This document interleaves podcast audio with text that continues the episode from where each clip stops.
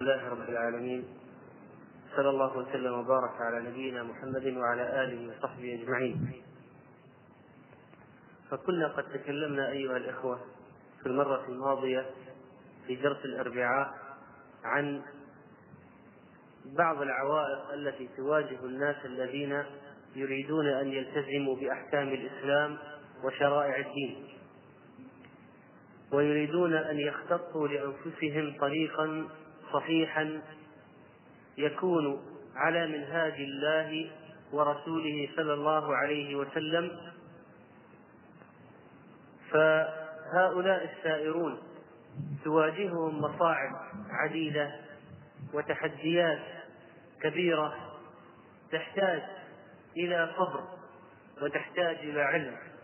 وتحتاج الى اخوه في الله وتحتاج الى اسلحه كثيره جدا لكي يصمد الإنسان أمام هذه التحديات ولكي يستطيع أن يجتاز هذه العقبات وأن يتغلب على تلكم المصاعب التي تحيط به في ذلك الطريق المحفوف بالمخاطر الذي سار فيه الأنبياء من قبل والتابعون لهم بإحسان ولعله من أكبر العوائق التي تواجه الذين يحاولون الالتزام بالإسلام ويلتزمون به هو ضغط المجتمع الذي يعيشون فيه فإنه ما من شك أيها الإخوة أن مجتمعات المسلمين اليوم أضحت مجتمعات بعيدة جدا عن الإسلام وعن تعليمات الدين ولذلك صار المجتمع الذي نعيش فيه كله مجموعة من العوائق فأنت ترى الزوج أحيانا يكون عائقا أمام زوجته التي تريد أن تلتزم بالإسلام والزوجة تكون عائقا أمام زوجها الذي يريد أن يتمسك بأحكام الدين والأولاد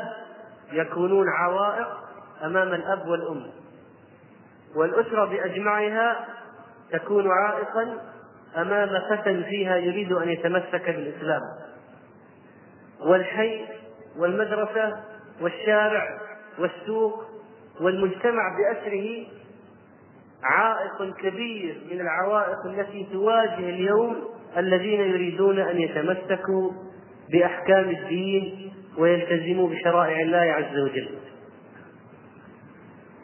فمثلا أيها الإخوة رجل قذف الله الإيمان في قلبه وهو متزوج فعندما يلتزم وعندما يريد أن يطبق أحكام الله عز وجل فإن من أولويات التطبيق أن يطبق أحكام الله في بيته فإذا أراد أن يطبق أحكام الله في البيت ويجعل هذا البيت ملتزما بالإسلام ويخرج آلات اللهو والمنكرات من البيت من الذي يقف أمامه؟ من أول الواقفين أمامه زوجته من أول الواقفين أمامه زوجته هذه التي لم يقدر الله لها أن تلتزم بأحكام الإسلام وأن يدخل الإيمان في قلبها وهنا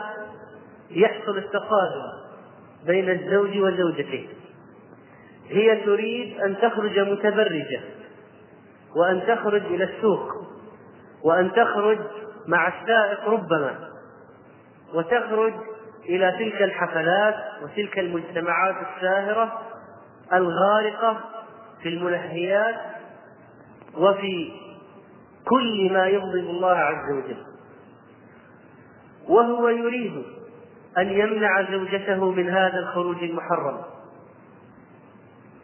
وهي تريد أن تستمع إلى الأغاني وتشاهد الأشياء المحرمة وهو يريد أن يمنع وقوع هذا الشيء هي تريد أن تربي الولد على أشياء لا ترضي الله عز وجل وهو يريد أن يمنع هذه الآثار السلبية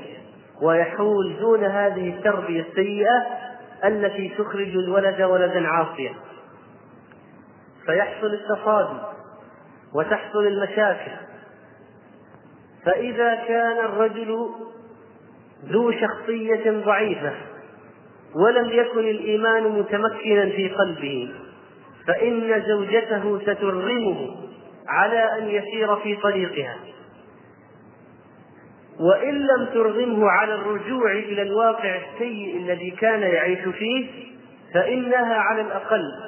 ستضطره إلى أن يكف عن الأمر بالمعروف والنهي عن المنكر وهذا لعمر الله وحده من الأجواء الخطيرة ومن العوائق أو من سبل الشيطان العظيمة وفخ عظيم من فخاخ الشيطان يقع فيه الزوج إذا هو سكت عن الأمر بالمعروف والنهي عن المنكر والله يقول وأمر أهلك بالصلاة واصطبر عليها يا أيها الذين آمنوا قوا أنفسكم وأهليكم نارا وقودها الناس والحجارة عليها ملائكة غلاظ شداد لا يعصون الله ما أمرهم ويفعلون ما يؤمرون ما هو الطريق ما هو العلاج قول الله تعالى ادع إلى سبيل ربك بالحكمة والموعظة الحسنة وهذه المسألة التفصيل فيها طويل التفصيل فيها يعني أن نتكلم عن طريقة الدعوة وأظن أن لهذا الكلام مجال آخر وتريد زوجة قذف الله الإيمان في قلبها ودخل نور الهدى ونور القرآن إلى ذلك القلب قلب هذه المؤمنة فهي تريد أن تتمسك بشعائر الله وشرائعه فتاة آمنت بالله عز وجل وتأثرت من فتيات مؤمنات صاحبتهن وصحبنها فأثرن فيها فسلكت هذا السبيل سبيل الالتزام بشرع الله عز وجل تريد أن تلتزم بالحجاب كاملا وتريد أن تمتنع من مصافحة أقارب زوجها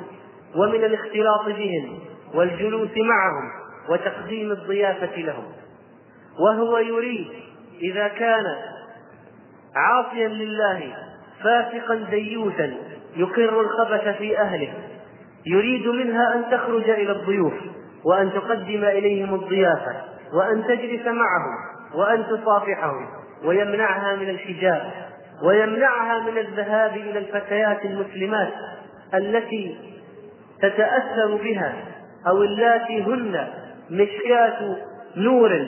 ومصباح هداية هداية الدلالة والإرشاد التي تتأثر بها ومنها هذه الفتاة فهو يحجبها ويمنعها عن مخالطة الرفيقات الصالحات فهي ستصطدم معه والرغبات ستتعارض كيف يمكن التوفيق انها تريد ان تربي ولدها الصغير لكي ينشا شابا في طاعه الله وهو يريد من هذا الولد ان يكون معه في الشر وان يعلمه ويقتبس منه الولد جميع انواع الشرور والمعاصي انه يريد ان يربي ولده على الخنوع وعلى الذل وعلى الاغاني وعلى المنكرات وعلى الترف وعلى الميوعة بسائر أنواعها هنا أيها الإخوة يحدث التضارب ويحدث الصدام الذي لا بد منه بين كل حق وكل باطل ما هي الطريقة ومن يعتصم بالله فقد هدي إلى صراط مستقيم يا أيها الذين آمنوا اصبروا وصابروا ورابطوا واتقوا الله لعلكم تفلحون لا بد لهذه المرأة من الصبر على هذه اللأواء والشدة والضنك التي تواجهها من زوجها ولن نفصل كما ذكرت آنفا في طريقة المواجهة والعلاج لأن هذا هو شرح لمعنى الدعوة وكيفية مواجهة المصاعب ولكن هذه الحقائق أيها الإخوة من الأشياء التي تحدث في البيوت وتتكرر دائما وإذا نظرت إلى الأولاد فإنهم يجرون الأب والأم إلى كل شيء فيه إسراف أو معصية لله عز وجل وصدق رسول الله صلى الله عليه وسلم عندما قال في الحديث الصحيح الولد مجبنة مبخلة محزنة فإنك إذا جئت فإنك إذا جئت لكي تجاهد في سبيل الله وتأمر بالمعروف وتنهى عن المنكر تذكرت ولدك وقلت في نفسك أين يضيع هذا الولد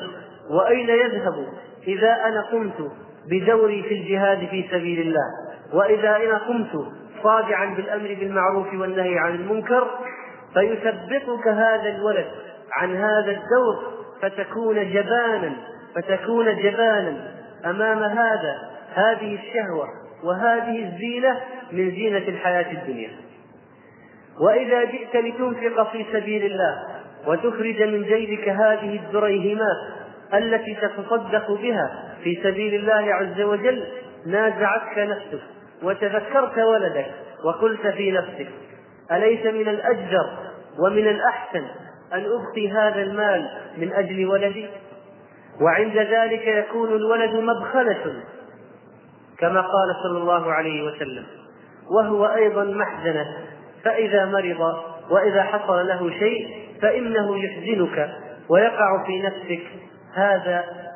الألم وهذا الحزن لما وقع في هذا الولد وإذا جئتم إلى الأسرة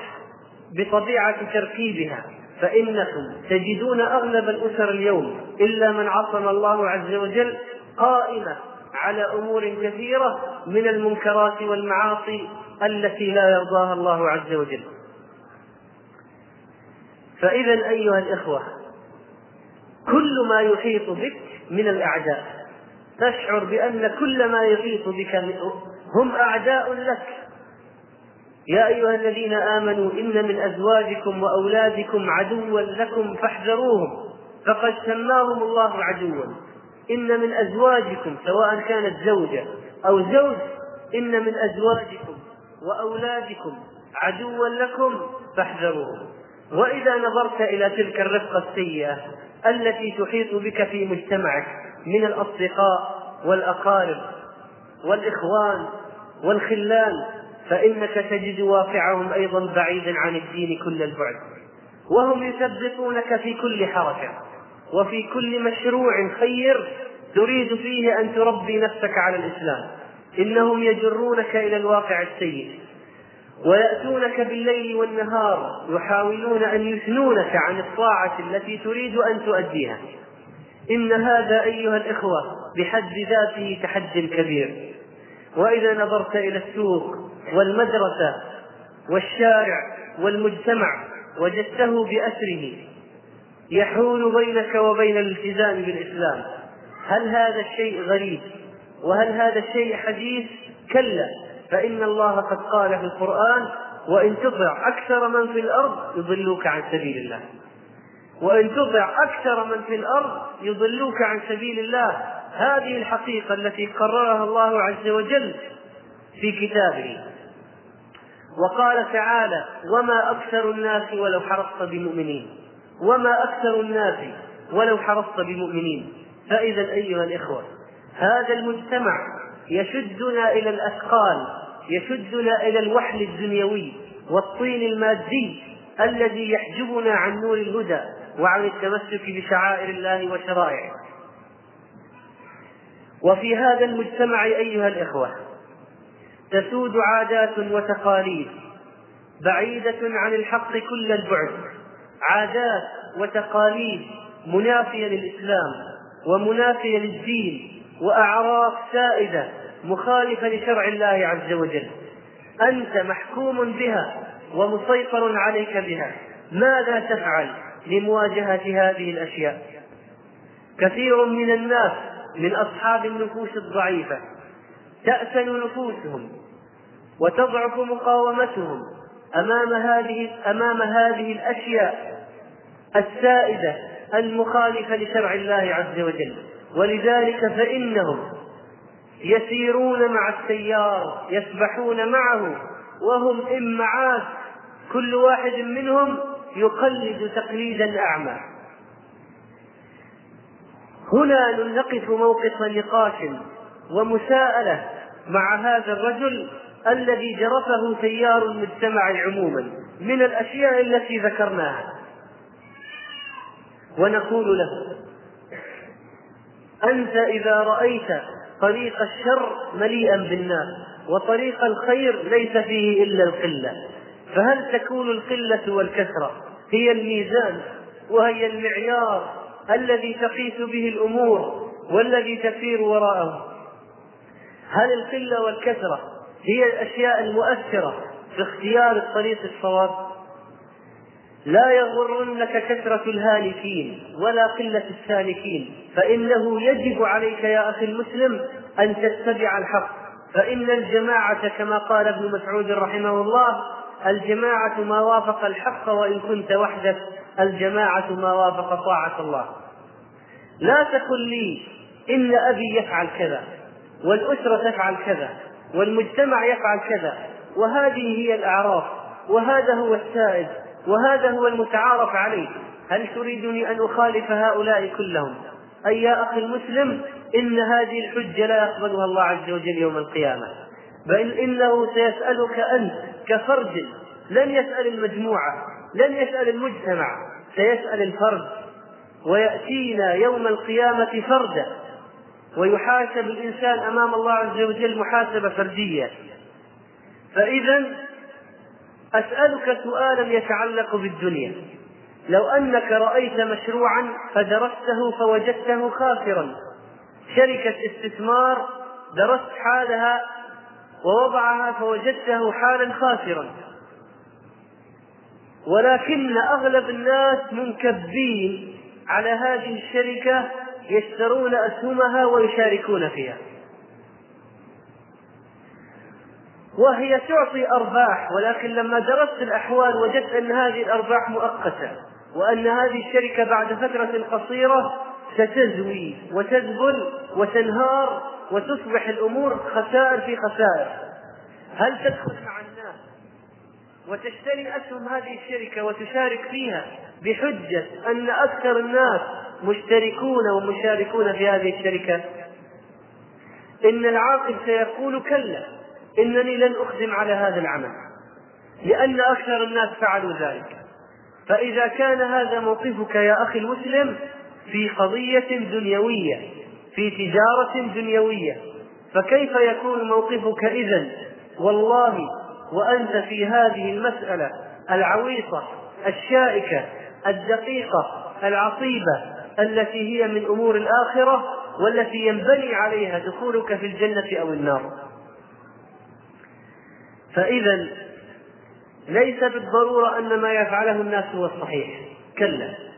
بل ان اكثر ما يفعله الناس خطا ومخالف لشرع الله ومنهج الله لا تحتج بالكثره ابدا ولا يحملنك التعصب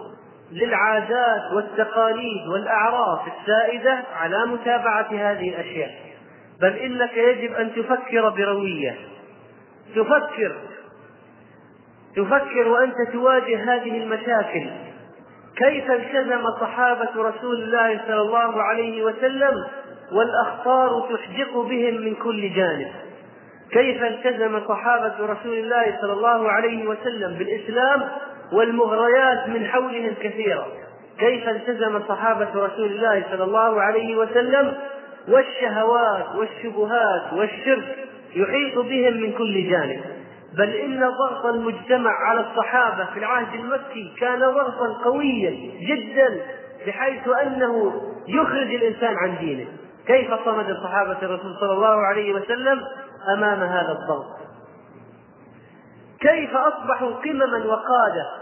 كيف أصبحوا علماء وأئمة يهتدي بهم من بعدهم بالرغم من هذه الصعوبات ومن هذه المخاطر ومن هذه المخاوف ومن هذه الضغوط إن ذلك المجتمع قدوتنا يجب أن نقتدي فيه وأن نتابع الحق أينما وجد وأن لا نخشى في الله لومة لائم كذلك أيها الإخوة ينبغي أن نتنبه إلى نقطة تتعلق بكون الزوج عائقا أقول الزوج معرض لأن يسير كثيرا في طريق الهدى يعني يجب أن ننتبه يا إخواني هذا الكلام أوجهه للرجال الرجل يستطيع أن يحتك بأجواء كثيرة طيبة وهو يذهب إلى المسجد ويستمع إلى خطب الجمعة ويستمع إلى الدروس ويخالف أناس كثيرين قد يكون فيهم من أهل الصلاح والتقوى عدد لا بأس به لكن المرأة التي تكون غالبا موجودة في البيت ما هي الأجواء التأثيرية التي تتعرض لها؟ الأجواء قليلة لذلك يجب على كل رجل أن يحسب حسابا لهذه القضية وأن لا يستعجل من زوجته الثمرة قبل النضوج ولا يطالبها بمستوى إيماني مثل الذي وصل إليه والمؤثرات ليست حولها كما صارت حوله بل إنه يجب عليه أن يقوي نقاط الضعف فيها وأن يحرص على تكثير المؤثرات الإيجابية التي تحيط بها حتى تسلك زوجته نفس الطريق الرجل من السهل أن يستمع إلى الخير أو يجد الخير لكن المرأة قد تكون فيها صعوبة في هذا الجانب عندها صعوبة في هذا الجانب فلا بد أن يهتم الزوج أيها الإخوة بهذه النقطة ولا يطالب زوجته أن تصل إلى ذلك المستوى الذي وصل إليه بوقت قصير وهو قد وصل إليه بمؤثرات كثيرة لا تملكها زوجته فيجب عليه أن يجلب إليها ويحيطها باكبر عدد من المؤثرات حتى تلتزم هذه الزوجه اما بالنسبه للزوجه المسكينه التي ابتليت برجل شرير فانه ان كان الرجل كافرا مصرا على كفره فانه يجب عليها ان تفارقه واما ان كان رجلا فاسقا فانها لا بد لها من الصبر على هذا الرجل والمحاوله فيه ومع العلم بان جانب التاثير أن التأثير قوة التأثير في جانب المرأة أقل إلا أنه لا بد لهذه الأخت المسلمة من بذل الجهد عل الله أن يهدي رجلها على يدها فتكون قد أدت خدمة عظيمة جليلة لبيتها ولدينها وإذا جئت, جئت, جئت معكم إلى جانب آخر وعائق آخر من المعوقات الموجودة فإنه أيها الإخوة هذا الشيء هو عائق الخوف كثيرا ما يمنع الخوف والرهبة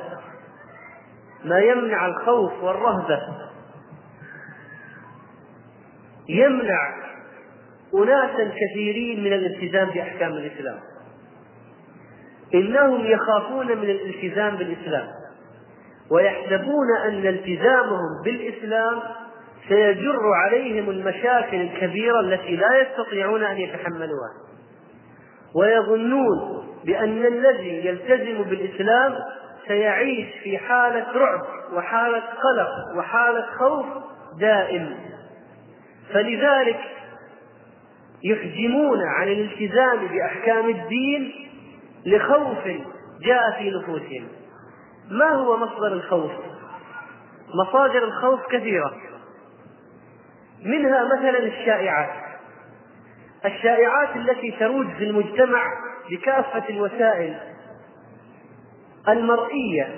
والمسموعة والمكتوبة هذا الخوف يؤدي إلى الإحجام عن الالتزام بالإسلام وكثير من الأخبار الشائعة بين الناس التي لا أساس لها من الصحة في غالب الأحيان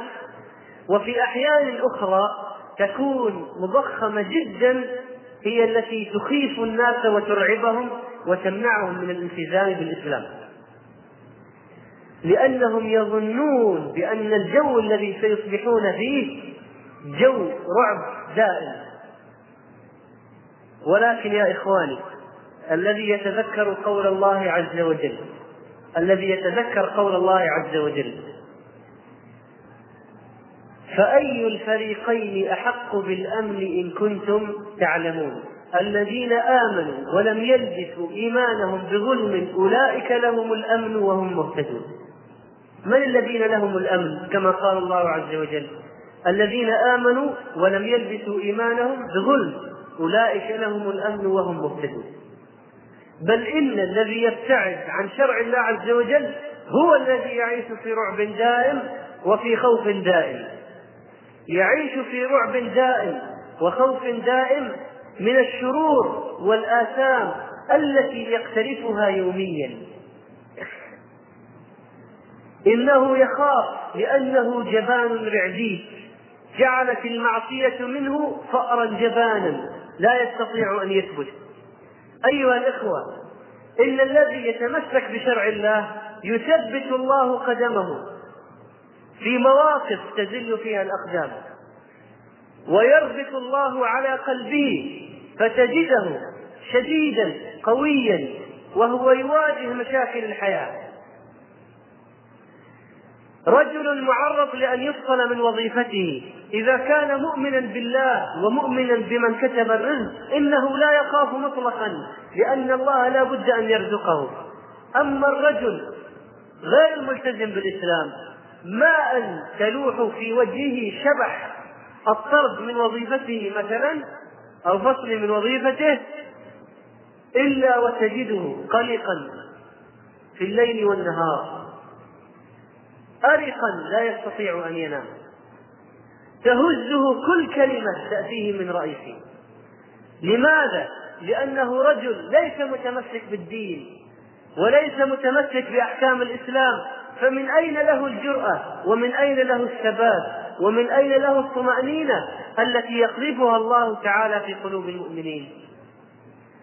إذا حصل لولده مرض أو حصل له مرض وجدته جزعا قلقا مضطربا بل إنه قد يموت من رعبه وتزداد حالته سوءا بخلاف المتمسك بأحكام الدين الذي يعلم بأن هذا ابتلاء وأن له فيه الأجر من الله عز وجل كثير من الناس ماتوا لما سمعوا بأقارب لهم قد ماتوا وبعضهم حصل له شلل وبعضهم حصل له جزع شديد ما هو السبب الخوف الخوف ليس معنا نحن الملتزمين بأحكام الإسلام الخوف يؤرق ويقلق كل انسان بعيد عن منهج الله لماذا ايها الاخوه لان الله تعالى انزل هذا الدين موافقا لفطره البشر الذي يبتعد عن الفطره وعن احكام الدين لابد ان يعيش في قلق دائم وفي خوف ثم ان هناك من المصادر ايضا الكتب التي يقرأها بعض الناس والتي تصور الملتزمين بالإسلام تصويرا سيئا يلقي في قلوب القارئ لهذه الكتب بأنهم يعيشون في رعب دائم من التهويلات والتضخيمات الموجودة في طريقة العرض والأسلوب الذي كتبت به هذه الكتب ولو أن بعض هذه الكتب فيها أشياء كثيرة صحيحة من التعذيب والأشياء التي تعرض لها كثير من أولياء الله الصالحين إلا أنه لا يجدر بإنسان قد خطت قد خطت قدماه في الطريق مبكرا أن يقرأ هذه الكتب ولا أن يرشد إليها لأن الإسلام لم يتمكن بعد من قلبه فقد تكون هذه الأشياء التي يقرأها مانعا وحاجزا له ومسببا للتراجع لذلك أيها الإخوة لا بد أن يستشير الإنسان من يثق به عند قراءة أي كتاب يريد أن يقرأه لا بد أن يأخذ أهل الخبرة أن يأخذ من أهل الخبرة خبراتهم في هذا الموضوع وليس من الصحيح أن يمد يده إلى أي كتاب في رف من رفوف المكتبة وينتزعه ليقرأه إن هذا قد يكون فيه تثبيط لهذا الرجل لذلك يا أخي انتبه إلى الكتب التي تقرأها ومن المصادر كذلك للخوف المرجفون الذين يثيرون الإشاعات والبلابل بين الناس ويثبطون الناس عن أحكام الدين ويقولون في إشاعاتهم انظر لفلان لما التزم بالإسلام ماذا حل به ولفلان ماذا حصل له فيثبطون كثيرا من الملتزمين بالاسلام ارجو من الاخوات النساء مراقبه اولادهن او اخراجهن الى الخارج حتى يسكتوا ثم ايها الاخوه اذا نظرنا الى واقع الرسول صلى الله عليه وسلم والصحابه والخوف الذي تعرض تعرضوا له وقارناه بالخوف الذي نتعرض له نحن لوجدنا أشياء عجيبة قال صلى الله عليه وسلم في الحديث الصحيح لقد أوذيت في الله وما يؤذى أحد وأخفت في الله وما يخاف أحد ولقد أتت علي ثلاثون من بين يوم وليلة وما لي ولبلال طعام يأكله ذو كبد إلا شيء يواريه إبط بلال وأخفت في الله وما يخاف أحد الرسول صلى الله عليه وسلم أخيف أخيف وأرهب بجميع وسائل الإرهاب والخوف ما مثل الخوف الذي تعرض له الرسول صلى الله عليه وسلم أي خوف آخر مطلقا لدرجة أنه كان في وقت من الأوقات لا يجد شيئا يأكله إلا شيئا يسيرا يخفى تحت إبط بلال شيء يسير جدا ومالي ولبلال شيء يأكله ذو كبد طعام يأكله ذو كبد إلا شيء يواريه إبط بلال ويدلك على ذلك واقع رسول الله صلى الله عليه وسلم جلس الرسول صلى الله عليه وسلم أيها الإخوة ثلاث عشرة ثلاثة عشر عاما في مكة ماذا يفعل الرسول صلى الله عليه وسلم وماذا يحصل له يتعرض لجميع لجميع وسائل الإخافة والأذى والإرهاب حتى يرجع عن دينه هذا يسخر منه وهذا يسبه وهذا يبصق في وجهه صلى الله عليه وسلم وهذا يحاول أن يضع رجليه على عنقه إذا سجد وهذا يضع أمعاء البعير على ظهره وهو ساجد وهذا يأخذ بمجامع ثوبه ويحاول أن يخنقه خنقا شديدا وهذا عمه يتبعه في المجامع أن ذهب يؤذيه ويقول للناس هذا كذاب هذا مجنون ويحذرهم منه وهؤلاء يغرون السفهاء فيرجمونه حتى تسيل رجلاه دما وهؤلاء يحاصرون اهله وعشيرته حتى فتره طويله في شعب ليموتوا جوعا وهؤلاء يعذبون من اتبعه بانواع العذاب فمنهم من يضجعونه على الرمل في شده الرمضاء يضجعونه على الرمل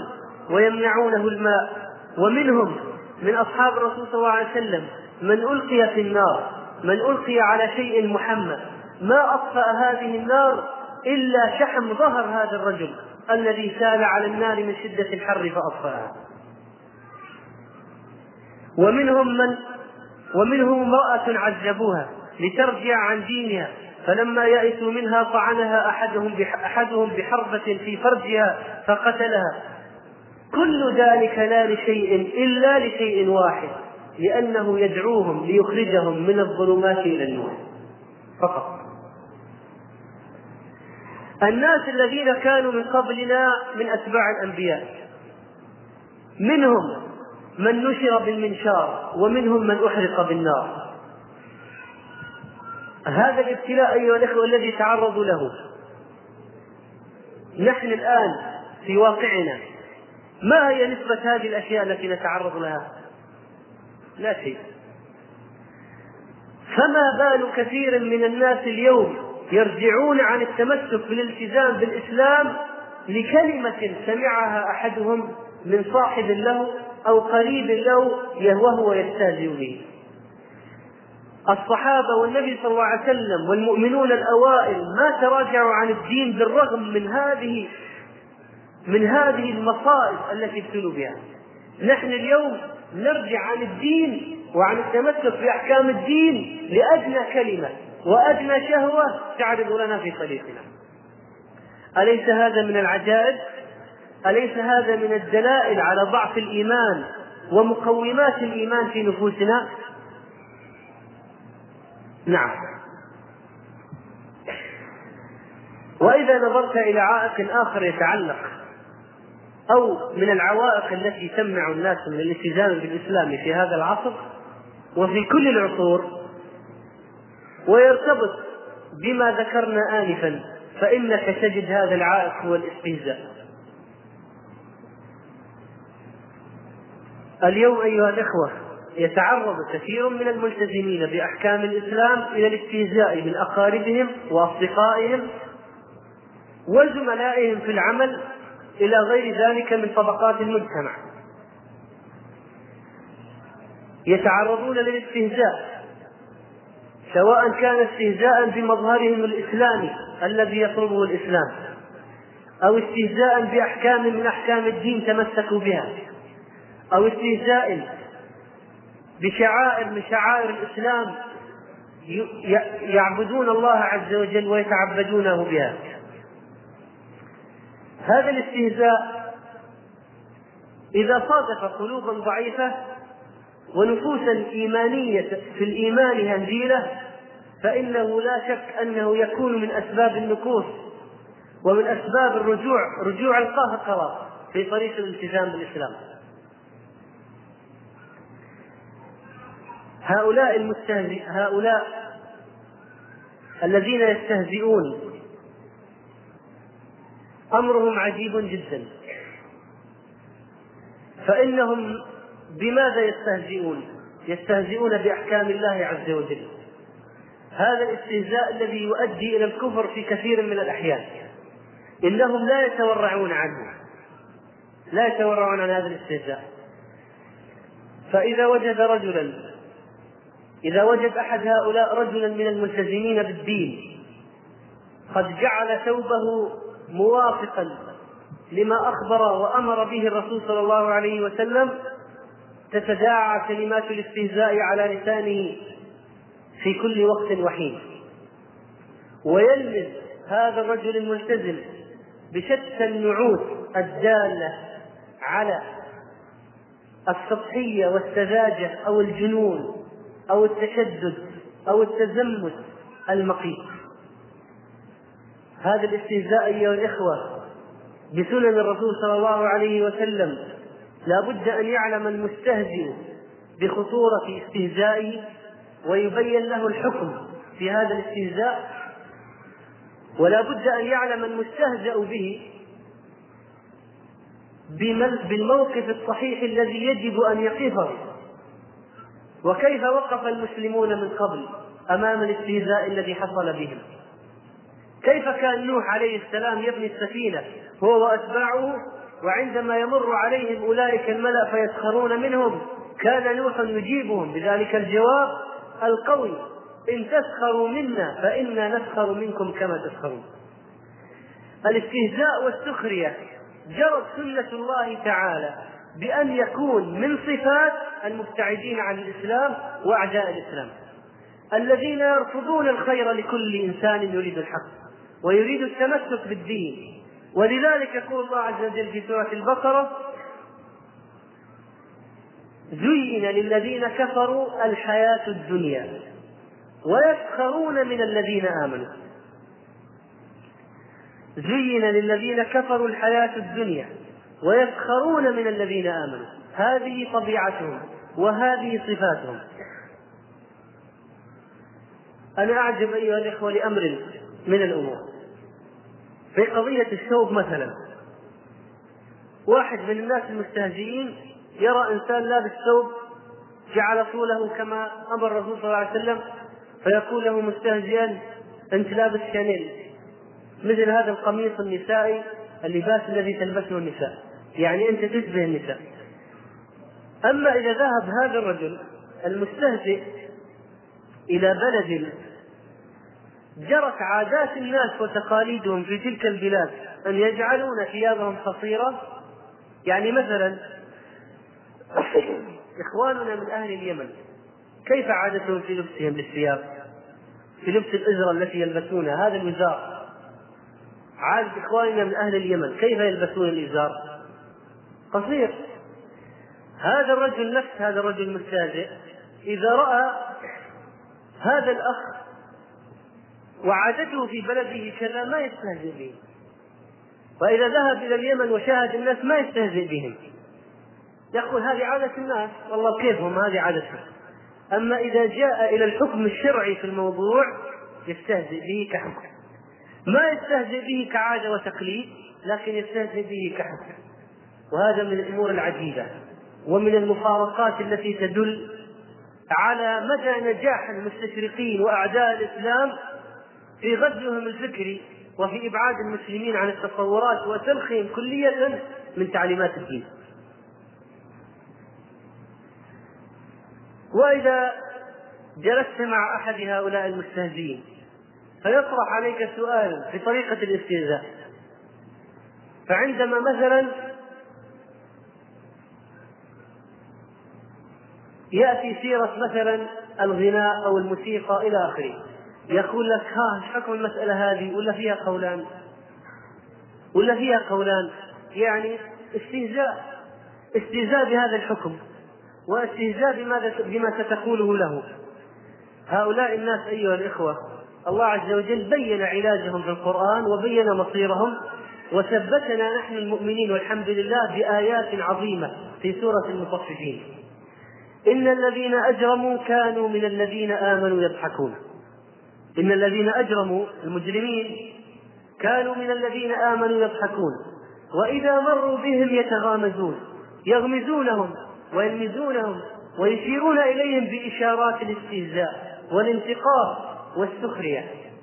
وإذا مروا بهم يتغامزون ما اكتفوا بهذا الغمز وإذا ذهبوا وإذا انقلبوا إلى أهلهم انقلبوا فكهين يعني آه، منتشين في حالة نشوة من هذه الجريمة التي اقترفوها مبسوطين لأنهم استهزأوا بالمؤمنين ولم يكتفوا بهذا بل إنهم إذا رأوهم قالوا إن هؤلاء لضالون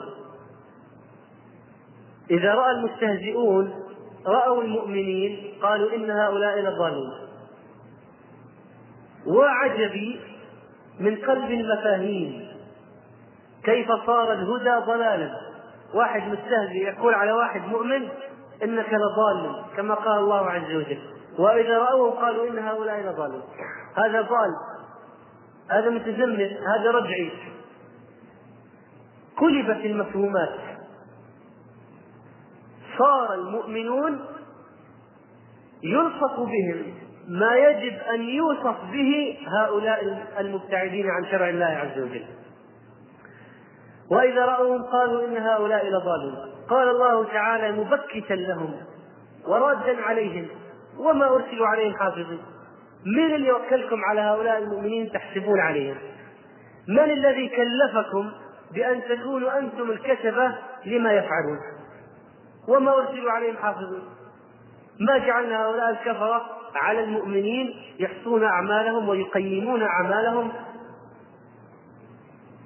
فاليوم ثم ننتقل ينتقل السياق إلى اليوم الآخر الوقت الذي تزوم فيه الأشياء تزوم فيه الجنة والنار والعذاب والعقاب والنعيم كلها دائمة فاليوم اليوم يوم القيامة فاليوم فاليوم الذين آمنوا من الكفار يضحكون انظر إلى رحمة الله تعالى وتسريته عن قلوب عباده المؤمنين وعن نفوسهم كيف انه جعل كيف انه عكس الوضع الذي كان في الدنيا عكسه يوم القيامه على اولئك المستهزئين فاليوم الذين امنوا من الكفار يضحكون على الارائك ينظرون هل ثوب الكفار ما كانوا يفعلون فاذا ايها الاخوه هذا الاستهزاء يجب ان نصبر امامه واقول بهذه المناسبه إن كثيرا من الملتزمين بالإسلام شخصياتهم ضعيفة جدا في مواجهة الاستهزاء فكثير منهم لا يقوون على أن يتلفظوا بحرف واحد يقابل فيه استهزاء المستهزئين وهذه مسألة خطيرة لأنها تسبب نظرة الضعف للإسلام المستهزئ عندما يستهزئ بك وأنت تسكت وتطأطئ برأسك أمام تلك الكلمات الجارحة التي يتلفظ بها ثم تستدير وتذهب أو تجلس وعليك علامات الخزي يقوي من شأن ذلك المستهزئ ويضعف هيبة الإسلام في قلب المستهزئ ويثبته أكثر على باطله الذي هو عليه يجب أن تكون نفوسنا أيها الإخوة قوية في مواجهة المستهزئين قوية بمعنى الكلمة نرد عليهم باطلهم ونبين الحق ونعلنه ونصدع به أما الشعور أو الظهور بمظهر الاستخزاء والخزي والعار والذلة أمام الفسقة والعصاة والكفرة فهذا ليس من شيم المسلمين ابدا ولا من صفاتهم ولا ولا يريد الاسلام منا ان نكون بهذه الصوره. انظر الى موقف نوح موقف نوح ان تسخروا منا فانا نسخر منكم كما تسخرون. ان تسخروا منا فانا نسخر منكم كما تسخرون. يلا هذه هذه النتيجه. فإذا أيها الإخوة لا بد من الصمود والمواجهة وعدم الاستكانة أو أو الظهور بمظهر الضعف هذا يؤثر سلبيا على انتشار الإسلام وعلى هيبة الإسلام في نفوس الناس وكذلك من العوائق التي تكون حائلا بين التزام حائلا بين كثير من الناس وبين الالتزام بالاسلام قضيه تعريض النفس للبيئات التي تؤثر فيها سلبيا يعني كثير من الناس يتاثرون باشياء كثيره مما يسمعونه ويرونه في حياتهم فمثلا هناك كتب كثيرة تدعو إلى الانحلال وإلى وإلى المجون والخلاعة والتحلل من أحكام الإسلام وأفلام كثيرة وتمثيلات تدعو إلى نفس ما تدعو إليه هذه الكتب وهذه الأشياء أيها الإخوة لا يمكن منعها لأنها أشياء العالم الآن مفتوح على بعضه العالم الآن مفتوح على بعضه لا تستطيع أن تمنع نفسك من التأثر فلا بد من بناء النفس المسلمة بناء صحيحا تستطيع فيه أن تواجه هذه المؤثرات ونقول إن من العوائق حقيقة هذه الأشياء التي تقرأ وترى وتسمع والتي تدعو الناس إلى الانحلال هذه الأشياء من أكبر العوائق اليوم أمام بعض المؤثرات الطيبة التي يتعرض لها الناس فإن الناس إذا قارنت الكلام السيء الذي يسمعونه والتصرفات السيئة التي يرونها أمام الكلام الطيب الذي يسمعونه والتصرفات الطيبة التي يرونها فإنك تجدها لا شيء المؤثرات التي حولهم أكثرها سلبية وتضعف الإيمان وتبدله وتبدل بدلا من الإيمان مظاهر الفسق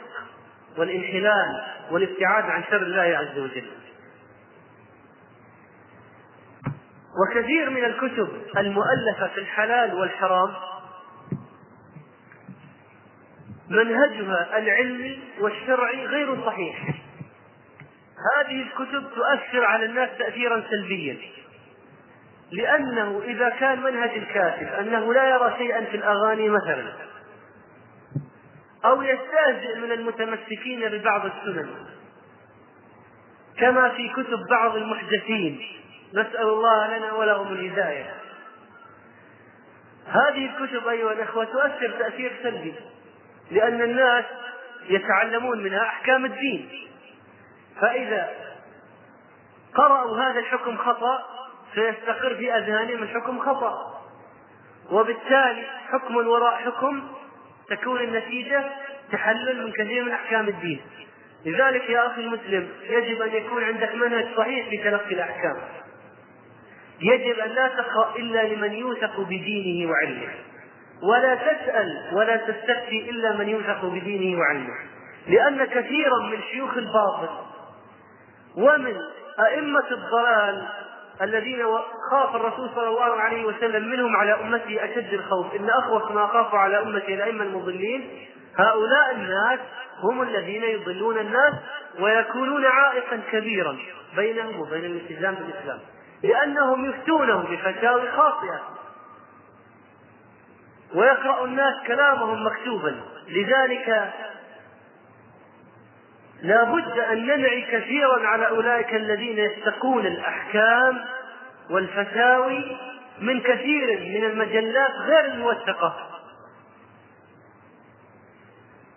التي تنشر الفجور وتنشر المجون وتنشر الخلاعة تجد يفتح على صفحة الفتاوى ويقرأ والله أعلم من الذي يكتب إنسان بعيد عن الإسلام وعن أحكام الإسلام في قلبه هوى أو عنده علم ولكن في قلبه هوى هو الذي يكتب للناس هذه الفتاوي فتجد كثيرا من الناس يتأثرون بها فلذلك يا إخواني لابد أن نحرص على أن نستقي الأحكام من الناس الموثوقين والحمد لله يوجد في هذا في هذا البلد كثير من العلماء الطيبين الموثوق بهم الذين يرجع إليهم إذا نزلت بالناس المعضلات وحلت بهم الملمات التي تستلزم البحث عن الأحكام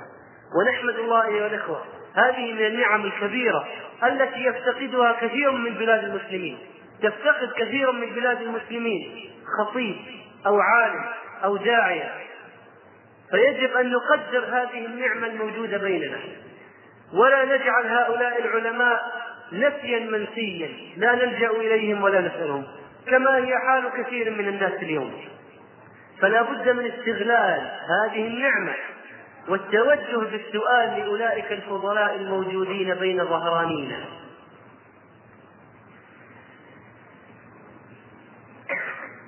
هناك افلام في بلاد الغرب تكتب حواراتها وتمثل وتشيع بين المسلمين هذه الافلام ايها الاخوه وهذه التمثيلات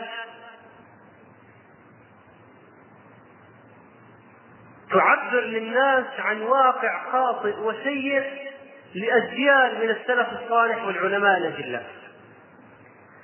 فتجد بعضها عن صلاح الدين وبعضها عن ابن تيميه وبعضها عن كذا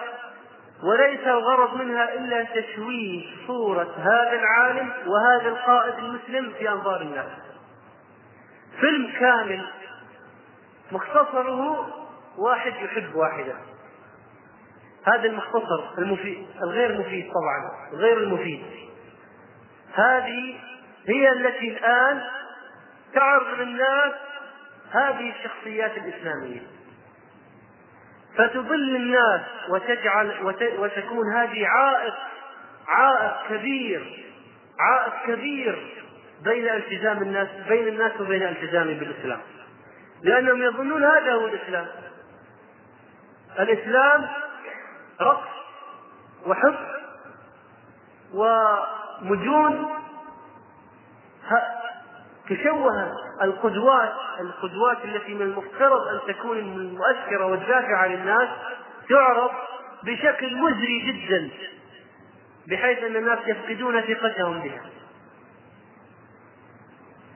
وكثير من هذه الافلام ايها الاخوه فيها عرض لادوار لما يزعم تمثيل عن صحابه الرسول صلى الله عليه وسلم اشياء خطيره فيظهر الصحابي امام امراه متبرجه وهو ينظر اليها ويكلمها ويحاورها الذي يزعم بانه الصحابي او الذي يمثل دور الصحابي ولذلك افتى افتت هيئه كبار العلماء بالمملكه فتوى مهمة في هذا الموضوع ينبغي الرجوع إليها في عدم جواز تمثيل أدوار الصحابة مطلقا لما تفضي إليه من المفاسد والكلام أيضا في هذه الفتوى عن التمثيل في مجلة البحوث الإسلامية التي تصدرها إدارة البحوث العلمية والإفتاء والدعوة والإرشاد فينبغي الرجوع إليها لمعرفة تفصيل هذا الأمر وبلغ من تأثير هذه الأشياء أيها الإخوة كانت تنتقد وتهاجم بشدة فتاة ملتزمة متحجبة بالإسلام وتهاجم الفتيات المتحجبات عموما وتقول لهن أنتن متشددات أنتن في الدين حجاب ما أنزله الله يعني تبغوا تصيروا أحسن من الصحابة الصحابيات اللي نشوفهم في الأفلام احنا نشوف الآن صحابيات يعني شوف الناس نساء المسلمين الاوائل يعني تكشف عن وجهها وشعرها وفخها ليش؟ انظر الى فعل هذه الاشياء في عقول الناس وفي كونها عائقا امام الالتزام بالاسلام. كذلك يعمد كثير من اعداء الاسلام الى نشر الخلافات بين علماء المسلمين ومذاهب المسلمين حتى يتوصلوا بذلك إلى تفريق المسلمين ويحتار الإنسان المسلم الجديد ماذا يختار وتنشر الفتاوي وتتبع السقطات لبعض الأجلاء من العلماء فتروج بين الناس فتكون عائقا لهم امام التمسك بالدين لانهم يرون عندما يقول قال العالم الفلاني قال كذا وهو مخطئ هو مجتهد له أجر مجتهد له أجر مخطئ فتروج فتواه فتكون عائقا بين بين الناس وبين الالتزام بالإسلام وقد حدث من هذا شيء كثير إن بعض أهل البلاد الكافرة عندما أرادوا أن يدخلوا في الإسلام صارت قضية المذهبية عائقا بينهم وبين الدخول في الدين لأنهم احتاروا ماذا يختارون ومن الذي قال انه يجب عليهم ان يختاروا شيئا وهذا يعود ايها الاخوه الى موضوع التعصب الذي ذكرناه انفا وهو ان الانسان المسلم يجب عليه ان يعرف الحق بدليله من العلماء الثقات ايا كانوا تعرف عالم تثق بعلمه تساله عن المساله وعن الحكم وعن الدليل ولا باس ان تتفقه على مذهب معين بشرط ان ترجع إلى الحق إذا وجدت المذهب بخلاف الحق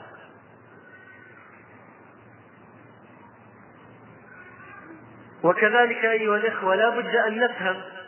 أن قضية اختلاف العلماء ليست حائل بيننا وبين الالتزام بأحكام الإسلام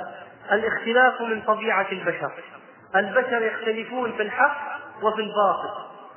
يختلفون دائما البشر الاختلاف من طبيعة البشر والآراء تتباين والأفهام تختلف فلذلك تجد آراء مختلفة ماذا يجب عليك أن تفعل أن تبحث عن الحق بدليله فإن عجزت لقصور فيك وفي قدراتك فاسأل أي أي عالم من أهل الذكر اسأله عن الحكم ثم اتبعه على ما قال لك وهذا أيها الإخوة كذلك من الأسباب أن الإنسان يجد طرائق متعددة أمامه في الدعوة إلى الله وطلب العلم فيحتار أيها يختار وهذه المسألة هي بحد ذاتها إحدى العوائق التي تمنع كثير من الناس والشباب من الالتزام بأحكام الدين لأنه يحتار ماذا يختار لأنه يحتار ماذا يختار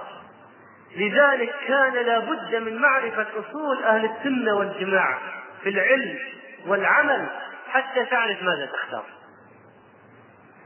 نقطة مهمة أكررها لا بد من معرفة أصول أهل السنة والجماعة أصول السلف الصالح حتى تعرف ماذا تختار من الأقوال والأفعال هذه نقطة مهمة يا إخوان ليس التعصب لشخص ولا لجماعة من البشر يجب على الناس أن يتعصبوا للحق التعصب للحق فقط للدليل للقرآن والسنة لكلام العلماء الموثوق بهم الذين يبينون الأحكام بالأدلة ويبينون أقوالهم بهدي من كتاب الله وسنة الرسول صلى الله عليه وسلم إذا رجعنا إلى هذه الأشياء أيها الإخوة فإنه لن يكون هذا العائق موجودا أبدا بإذن الله تعالى فلا بد من معرفة أركان المنهج الصحيح حتى تكون دليلا وهاديا ومرشدا لنا أمام الاختلافات التي نراها في هذه في هذا العصر.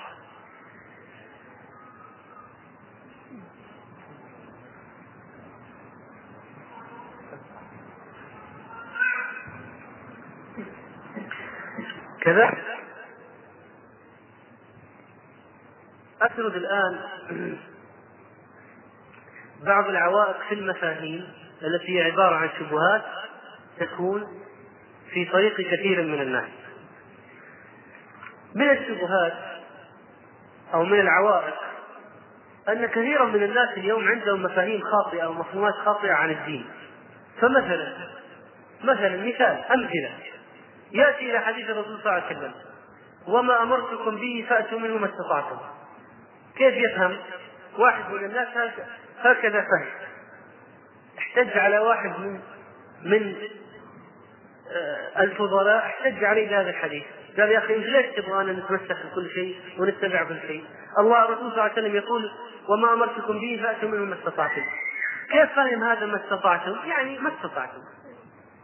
يعني آه، على التسهيل على التيسير يعني على التسهيل. يعني ان تيسر لك تلتزم التزمت ان ما تيسر لك ما تلتزم هكذا فهم. فأتوا منهم ما استطعتم يعني على قدر على الماشي يعني على قدر الفراغ وعلى قدر ال... وما قصد الرسول صلى الله عليه وسلم هذا الفهم مطلقا وهذا ضلال أيها الإخوة الرسول صلى الله عليه وسلم يأمرنا أن نتمسك بالدين بجميع ما أوتينا من قوة لكن قد الإنسان أحيانا لا يستطيع فعند ذلك إذا ما استطاع عجز إذا عجز تماما فله أن يدع ذلك الأمر لعجزه أما أن نأخذ الإسلام على الماشي يعني على التفاهية يعني إذا صارت فرصة التزمنا وإذا ما صارت الفرصة ما التزمنا وهكذا هذه مشكلة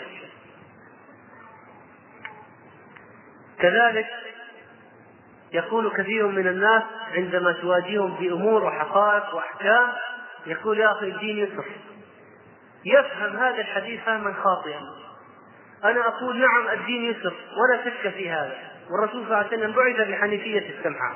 لكن إذا دققت في كلام أولئك الناس تجد أنهم يقولون بلا دين هو اليسر هو يقول يحتج عليك بحديث الدين يسر يريد من هذا التملص من كثير من الأحكام فإذا جئت تحقق في دعواه وجدت أنه يقصد بلا دين هو اليسر هذه حقيقة ما يدعو إليه وما يقوله يعني ما يبغى التزام بالأحكام لأن الدين يسر هل معنى الدين يسر يعني أنك ما تلتزم بأحكام الإسلام هذا مفهوم عجيب جدا الدين يسر كيف يعني الدين يسر مثلا أنت الآن في أرض منقطع ما عندك ماء ماذا تفعل إذا وقت الصلاة تتيمم هل فرض الله عليك أن تحفر بئر ارتواز وتطلع الماء حتى تتوضأ ما فرض الله عليك هذا ولا كلفك بهذا أن تحفر بئرا لكي تستخرج منه الماء لكي تتوضأ وإنما أباح لك التيمم رخصة من الله عز وجل قصر الصلاة مسعى الجوربين جمع الصلاتين هذه الأشياء المشروعة هذا معنى الدين يسر ما هو معنى الدين يسر أن نتفلت من الأحكام وأن نأخذ ما نشاء وندع ما نشاء هذا ما صار الدين يسر هذا صار الدين لعب وهذه من صفات بني إسرائيل أنهم اتخذوا دينهم لهوا ولعبا اللي يعجبه يسويه واللي ما يعجبه ما يسويه واللي يدخل عقله يسويه اللي ما يدخل عقله ما يسويه واللي يطاوع هواه يسويه اللي ما يطاوع هواه ما يسويه وهكذا بعض الناس مثلا إذا جئت تكلمه وتقول له يا أخي الحكم كذا الرسول كان يفعل كذا يقول لك إيه هذاك الرسول الصحابة يفعلون كذا يقول إيه هذوليك الصحابة هذا كلام نسمعه كثيرا يعني سبحان الله الرسول يعني أرسل لكي يعمل بمفرده وليعمل لنفسه لا لأجل نحن أن أن نستفيد من هذا العمل مطلقا هذا معنى كلامي لأن كل ما جبنا شيء قال هذاك الرسول معناها خلاص ما نتبع شيء من أوامر الرسول صلى الله عليه وسلم والله يقول لقد كان لكم في رسول الله أسوة حسنة يا أيها الذين آمنوا أطيعوا الله ورسوله فإذا وهؤلاء الصحابة قدوتنا إذا ما اقتدينا بالصحابة والرسول صلى الله عليه وسلم نقتدي بمن إذا؟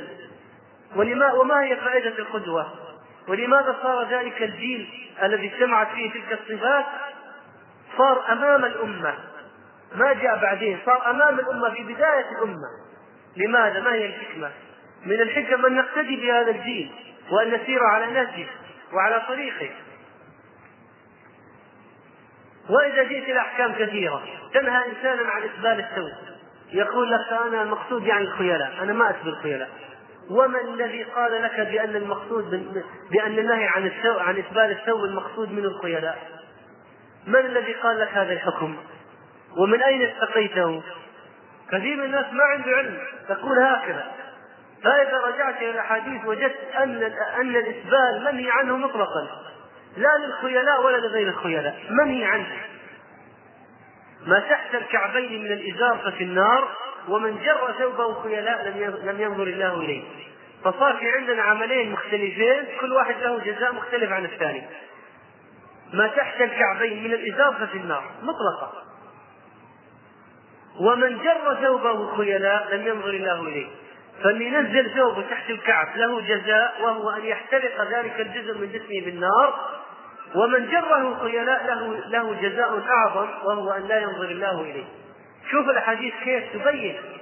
انظر كيف تبين الاحاديث وهذا الرجل يقول لا مقصود أنا خيلاء ثم أن كما يقول ابن عربي رحمه الله كما في فتح الباري في التعليق على هذا الحديث الذي رواه ابن عمر في الصحيح ما تحت الكعبين إزاره في النار قال وأي إنسان يقول أنا ما في نفسي خيلاء ما نقبل كلامه لأن معناه فتحنا الباب كل واحد يقول أنا ما في نفسي خيلاء فلا تزكوا انفسكم ايش درينا ما في نفس ولا لا يعني لو ما منع هذا لو ما صار هذا الحكم الا من باب سد الذراع عليك واذا جئت لاناس في قضيه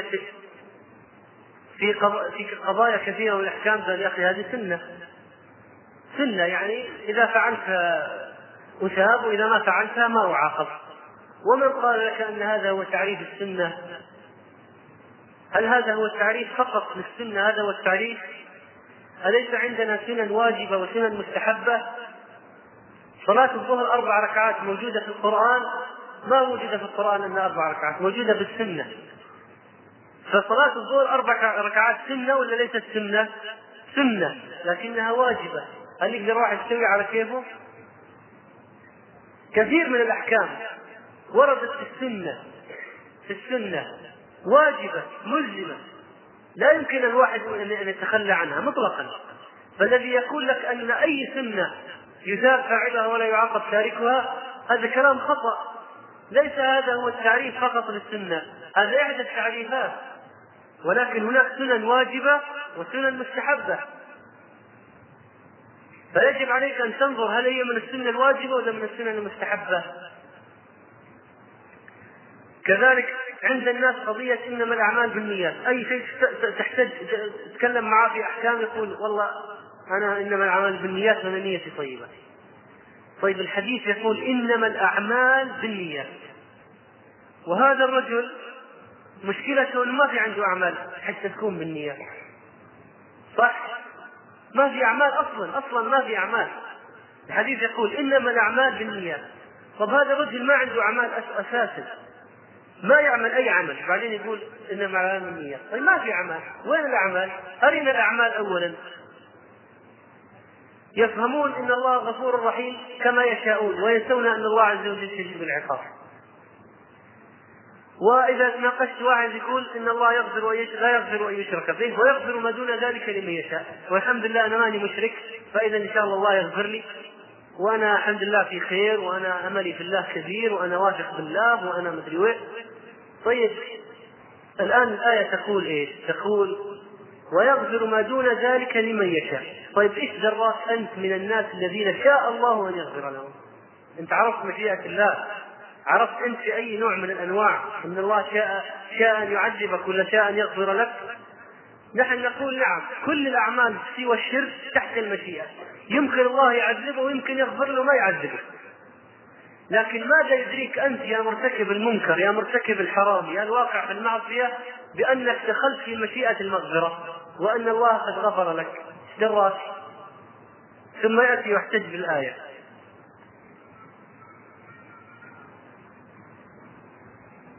أنا قلت ابن العربي بأل وهو العالم المشهور الفقيه المالكي المعروف خلاف ابن عربي الملحد كذلك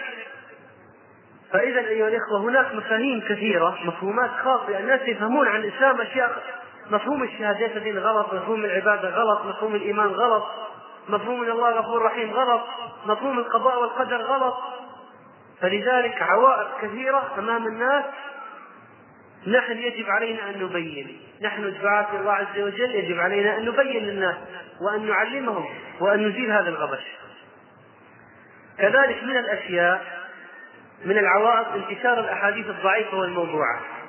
انتشار الأحاديث الضعيفة والموضوعة من العوائق التي تكون بين الناس وبين الإسلام التزام الإسلام مثلا يجيب لك واحد نية المؤمن خير من عمله فإذا النية أحسن من العمل إذا العمل شيء ثانوي والنية هي الأساس فأنا ممكن تكون نيتي طيبة وما أعمل ما هو الدليل هذا الحديث فإذا نظرت إليه وجدته حديثا منكرا باطلا لا يصح عن الرسول صلى الله عليه وسلم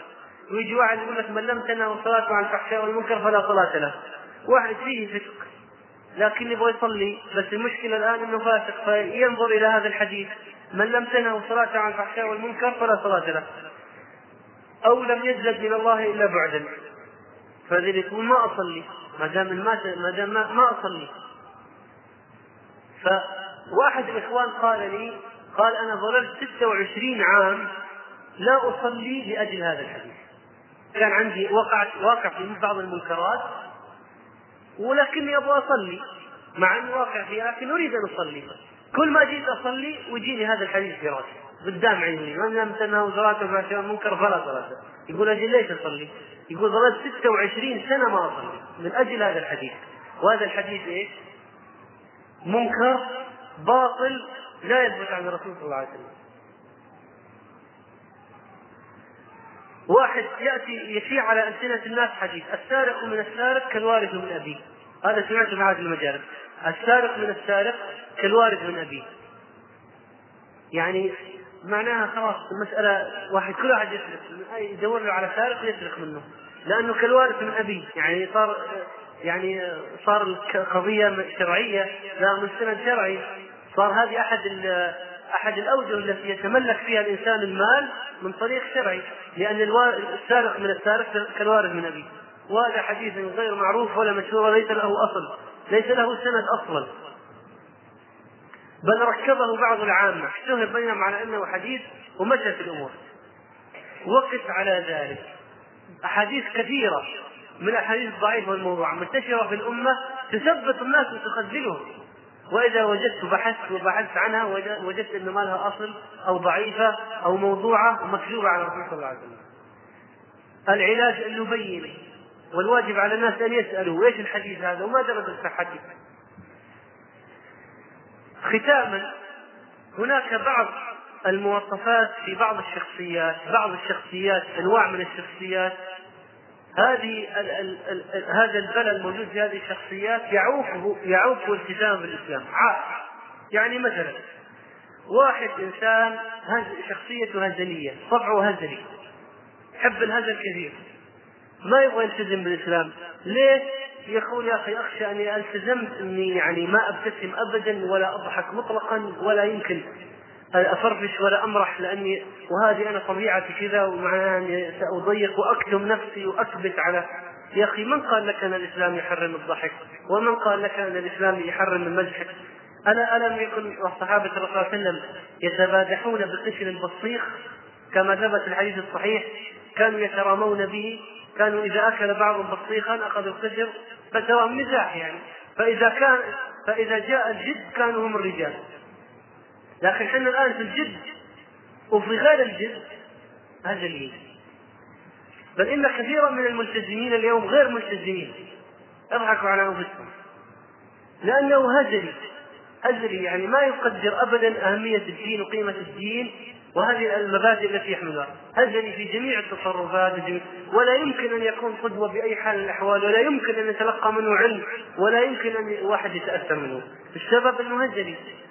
شخصية وجلية جدا مائعة لا تمثل أبدا ذلك الوقار والسمت الحسن الذي كان عليه الذي أمر به الرسول صلى الله عليه وسلم لدرجة أنك ممكن ترى الآن نسمع بعض الحالات العجيبة ناس ظاهرهم الالتزام لكن ياخذ السيارة يفحص واحد قال واحد واعرف واحد كذا يفحص يسمع قران يا اخي والله شيء يعني احنا فعلا في اخر الزمان آه، كذلك بعض الشخصيات انطوائية ما تحب المعاشرة ولا تحب الكذا فلذلك هذا يحول بينه وبين التأثر بالشخصيات الطيبة لكن هذا العائق قد لا يكون لهذا الإنسان ذنب فيه وإنما هذه قضية تحملها دعاة الإسلام هم الذين يجب عليهم أن يتغلغلوا ويحاولوا أن يتداخلوا مع هذا الرجل ويبين له الحق ويعرض عليه النور الذي أنزله الله عز وجل بعض الشخصيات آه عندها ضعف إرادة في اتخاذ القرارات ما يمكن ما عنده مقدرة على اتخاذ قرار أبدا مطلقا هذه الشخصية اللي فيها الضعف الناتج عن قلة الإيمان طبعا ما يمكن يقرر أن يتمسك بحكم ما ما يمكن يقرر أن يلتزم بحكم ما ما يمكن يقرر أن يواجه المجتمع بشيء ما ما عنده إرادة ليس عنده قدرة على اتخاذ القرار بل إن كثيرا منهم سمعت اشياء عجيبه عن بعض الرجال واحد يقول ما استطيع اسوي كذا اخي ما استطيع ما استطيع لماذا؟ قال زوجتي تطلقني اذا سبحان الله النساء قوامات على الرجال انقلبت الآية قال ما زوجتي والله ويتكلم من جد رجل مو يهزل قال والله طلقني طلقني سبحان الله العظيم إذا هؤلاء يعني إحباه الرجال ولا رجال وفعلا هذه حال كثير من الناس في بيوتهم أمام الناس شخصية من أحسن ما يكون وفارض نفسه فإذا رجع إلى البيت صار مثل الدجاجة يعني بعض الشخصيات مثلا عندها لا مبالاة وتبلد في الإحساس ويمشي من غير هدف وقد يعني يقلد الملتزمين في الشكل لكن ما عندهم لا يحس باي قيمه لاحكام الاسلام ولا يحس أنه وراه هدف ولا ان عليه مسؤوليه ولو واحد كلمه لا يبالي يعني ما هذا الرجل لا لا يمكن يتحرك مطلقا في الدعوه الى الله والمعروف والنهي عن المنكر نهائيا ابدا فلذلك بعض الناس عندهم صفه الكبر هذه الصفة الذميمة الأثيمة التي تمنع تقبل الحق، ما هو الكبر؟ بطر الحق وغلط الناس، ما يقبل الحق لهذه الصفة، بعض الناس في شخصياتهم طبيعة المراوغة واللف والدوران بحيث أنك إذا جئت بأي شيء لابد أن يروغ منك إذا تعطيه حكم لازم يدبر لك حل ولا يدبر لك شيء يا أخي اللحية يعني يقول والله يا أخي تشوق زوجتي يعني إذا قربت منها تتأذى من اللي هذا وما عندي وقت إني لا بالعكس ما عندي وقت لا مو ما عندي وقت أصلا يقول مثلا حساسيه حبوب مدري طلع اي شيء المهم انه ما يطبق الحكم هذا طبعا مثل ما اقصد هذا الحكم لذاته انا اقصد المثل عموما ان ان هذه هذه البلايا الموجوده في بعض الشخصيات تمنع كثير من الناس من الالتزام بالاسلام ما هو الحل علاج هذه العيوب بالايمان والعمل الصالح ويجب على الدعاة الله عز وجل ان يتفطنوا لنقاط الضعف في شخصيات العالم في شخصيات أولئك الناس الذين يدعونهم الإسلام حتى يعرفوا كيف يتسللون إلى نفوسهم وما هو نقطة ما هي مكمن الضعف عند هذا الرجل حتى يعالج وحتى يدفع وحتى يقوى وحتى يستقيم على شرع الله عز وجل. أظن نكتفي بالنقاط التي ذكرناها في هذا الموضوع وهو موضوع طويل يحتاج إلى تفصيل وبعض النقاط تركناها هكذا لكن إن في ذلك لعله في هذا يكون ذكرى لنا جميعا آه، قبل أن نبدأ في الأسئلة أرجو من الإخوان عندما يخرجون من المسجد أن لا يتجمعوا أمام باب أبواب المسجد لأن النساء يخرجون فيجدون أمام فيجدن أمامهن كثير من الناس الشباب بس المرأة كيف تخرج فأرجو من الإخوان ما يتجمع ولا المسجد اللي عنده واحد بيكلمه يكلمه داخل المسجد أو يذهب بعيدا المهم ما لا يقف أمام مدخل النساء حتى يستطيع الأخوات الخروج بيسر وسهولة ومن غير إحراجات هناك أسئلة لا علاقة لها بالموضوع وإنما هي أسئلة وردت من فترة طويلة ويعني ما استطعنا أن نأتي بالجواب أو أن نعرض الأسئلة إلا الآن ونحاول إن شاء الله نتكلم على بعض الأسئلة المتعلقة بالموضوع يقول هذا السائل ما حكم الصلاة لرجل وهو يعلق بطاقة العمل وعليها صورته بارزة كما في بعض المستشفيات طبعا يقول اجاب الشيخ بن باز على هذا السؤال قال هذا لا يجوز مطلقا لا يجوز ان يصلي الانسان وهو معلق البطاقه اللي فيها صورته على جيبه اما ان يقلب البطاقه أو يدخل الصورة في جيبه لكن ما يعلق الصورة على جيبه وهل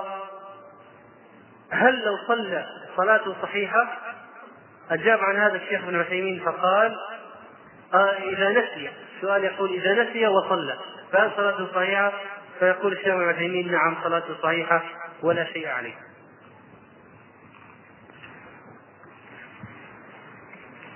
يقول السؤال هل اكل الفاكهه قبل الطعام سنه من سنن الرسول صلى الله عليه وسلم؟ يعني يمكن الاخ هذا يعتمد او يعني يظن ان قول الله عز وجل وفاكهه مما يتخيرون ولحم طير مما يشتهون انه قدم الفاكهه على لحم الطير، طبعا هذا في الجنه لكن لا يؤخذ منه كما يقول الشيخ ابن عثيمين لا يؤخذ منه ان هذا سنه وانما بدا بالفاكهه ولا بدا بالطعام ولا بدا بالماء فليس هناك حرج في هذا كله يقول شجره رمان تنبت في بلاعه هل يجوز أكل ثمرها؟ يقول الشيخ ابن عثيمين إذا ما تغير طعم ولون هذه الثمرة بنجاسة فيجوز أكلها أما إذا تغير الطعم بالنجاسة فلا يجوز أكلها يقول السؤال هل الزخرفة الموجودة في سجاجيد المساجد اليوم مبرر شرعي لإغماض العينين في الصلاة؟ يقول الشيخ ابن عثيمين ليست مبررا شرعيا لإغماض العين إذا تعود عليها. يعني اذا تعود عليه خلاص يفتح عيونه ويصلي مثل ما كان الرسول صلى الله عليه وسلم يصلي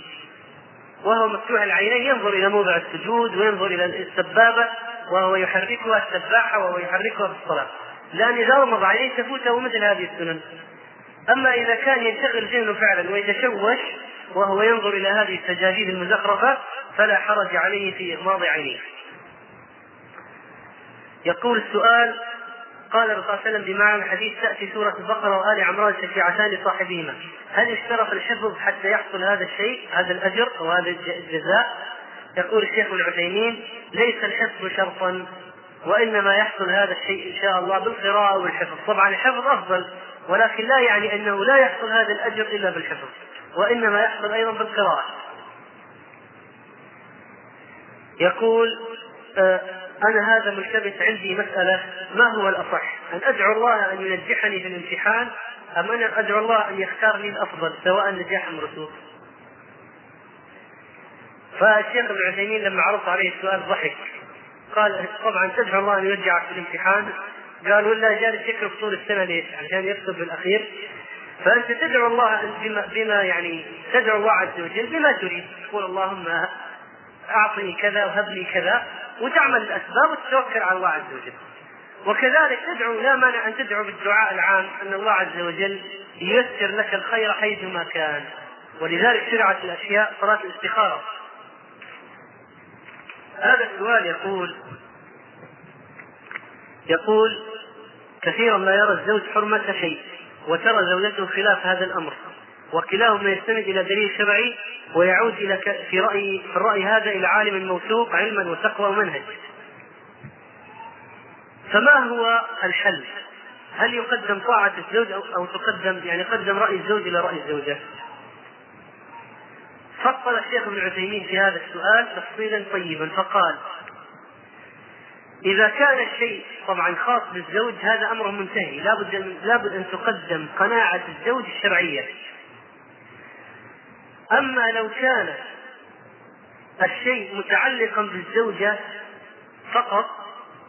فتقدم قناعة الزوجة الشرعية مثل إيه؟ زكاة الحلي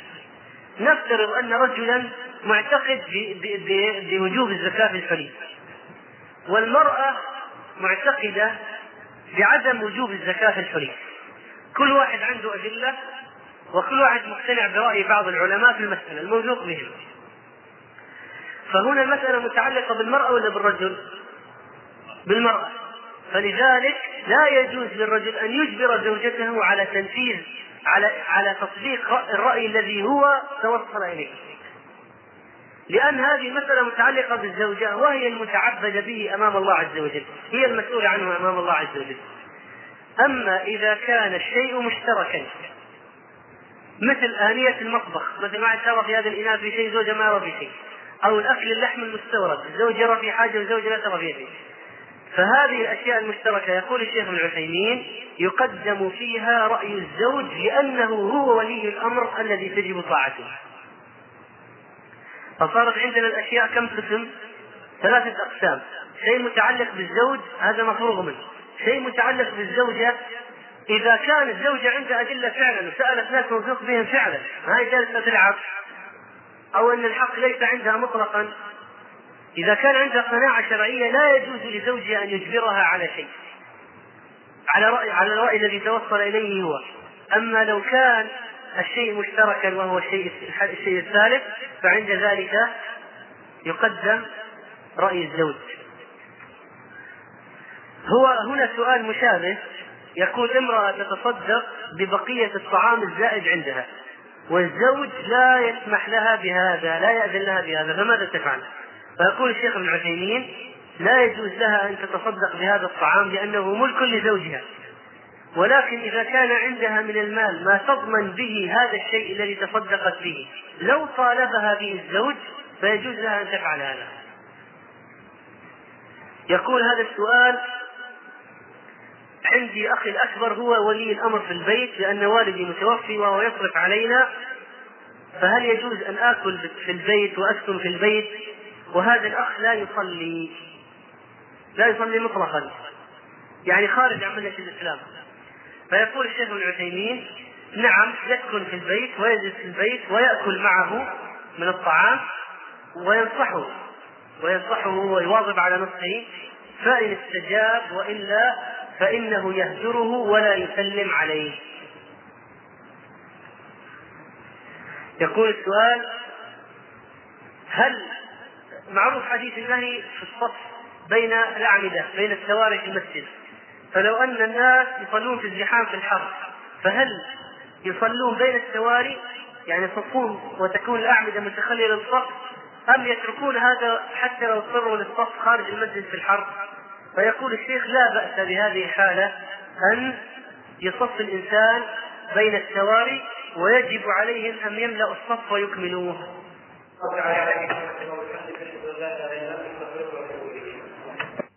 وبعد يقول الحق جل وعلا وأطيعوا الله والرسول لعلكم ترحمون إن لله سننا في هلاك الأفراد والأمم او في عافيتهم فمن شاء ان يلهم سواء كان فردا او امه فليلزم طاعه الله وطاعه رسوله عليه الصلاه والسلام فما الطاعه ولمن تكون وما انواعها وما موقف المسلم منها اما الطاعه فهي ضد المعصيه ومعناها الانقياد والخضوع والاستسلام سمى رب العزة الدين الذي اختاره لنفسه واختاره لعبيده الإسلام فقال إن الدين عند الله الإسلام ورضيت لكم الإسلام دينا سماه الإسلام والإسلام لغة هو الاستسلام الكامل لأمر الآمر ونهي الناهي سبحانه لأمر الآمر ونهي الناهي سبحانه وأما الطاعة فلمن تكون فالأصل في الطاعة أن تكون لله وللرسول يقول رب العزة سبحانه وما كان لمؤمن ولا مؤمنة إذا قضى الله ورسوله أمرا أن يكون لهم الخيار من أمرهم فلا يجوز للمسلم إن كان مسلما إذا سمع قول الله أو قول رسوله في أمر ما أن يقول ورأيي في المسألة كذا وقد قال رب العزة فيها كلاما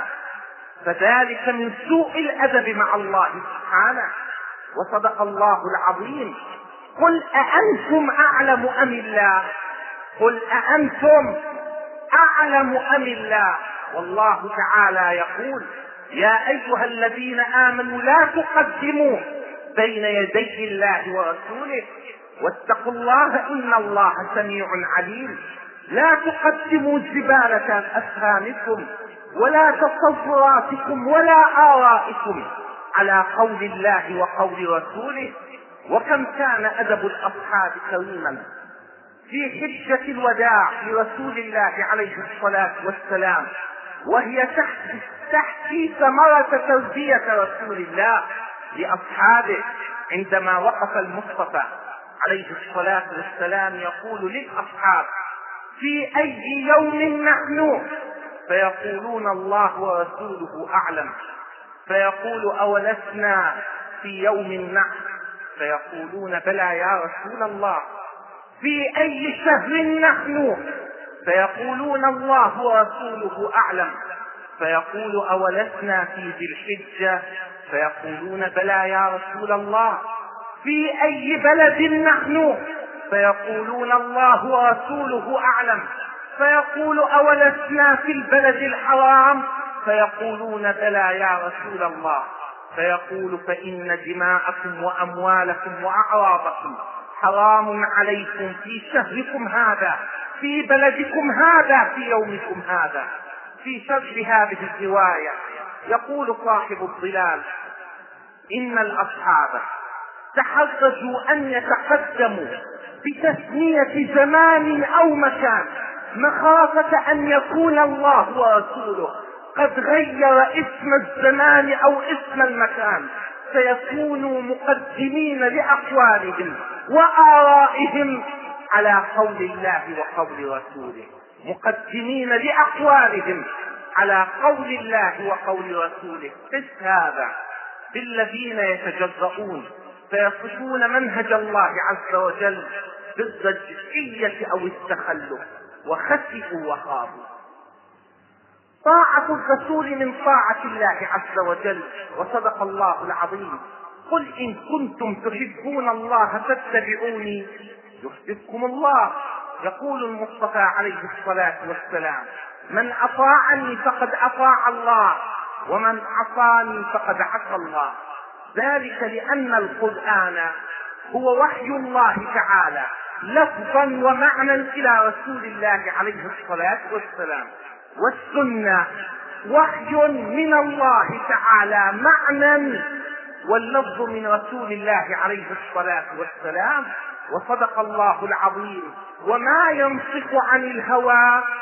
إن هو إلا وحي يوحى إن هو إلا وحي يوحى ولا بد أن نعلم أيضا أن في طاعة الله والرسول البركة كل البركة والخير كل الخير تأمل معي رسول الله عليه الصلاة والسلام وقبل أن ينتقل إلى الرفيق الأعلى عقد اللواء لجيش أسامة أن يرتحل إلى أطراف الشام لتأديب بعض القبائل ينتقل المصطفى عليه الصلاة والسلام إلى الرفيق الأعلى والجيش لم يرتحل يتولى الخلافة أبو بكر الصديق رضي الله عنه ترتد القبائل عن, عن الإسلام بل وتهدد المدينة بالهجوم ويقف الأصحاب صفا واحدا أمام أبي بكر يطلبون منه ألا يذهب جيش أسامة إلى أطراف الشام وإلا خلت المدينة وإلا فهي قد تستباح من أعداء الله سبحانه ماذا يقول لهم أبو بكر الذي قال أينقص الدين وأنا حي يقول لهم والله لو جدت الكلاب بأقدام أمهات المؤمنين ما حللت لواء عقده رسول الله والله لو جدت الكلاب بأقدام أمهات المؤمنين ما حللت لواء عقده رسول الله عليه الصلاة والسلام ويبعث جيش أسامة إلى أطراف الشام ويلقي الله الرهبة في قلوب المرتدين يتساءلون في أنفسهم لو لم يكن في المدينة جيش فكيف يبعث أبو بكر جيش أسامة إلى الشام إن لم تكن عنده من القوة ما يحمي به بها المدينة منا هذه بركة طاعة الله وطاعة رسول الله عليه الصلاة والسلام وفي معصية رسول الله الخسران كل الخسران والهزيمة كل الهزيمة في غزوة أحد أمر المصطفى عليه الصلاة والسلام الغماة أن يلزموا مواقعهم على الجبل وقال لهم إن رأيتمونا ظهرنا إن رأيتمونا ظهرنا فلا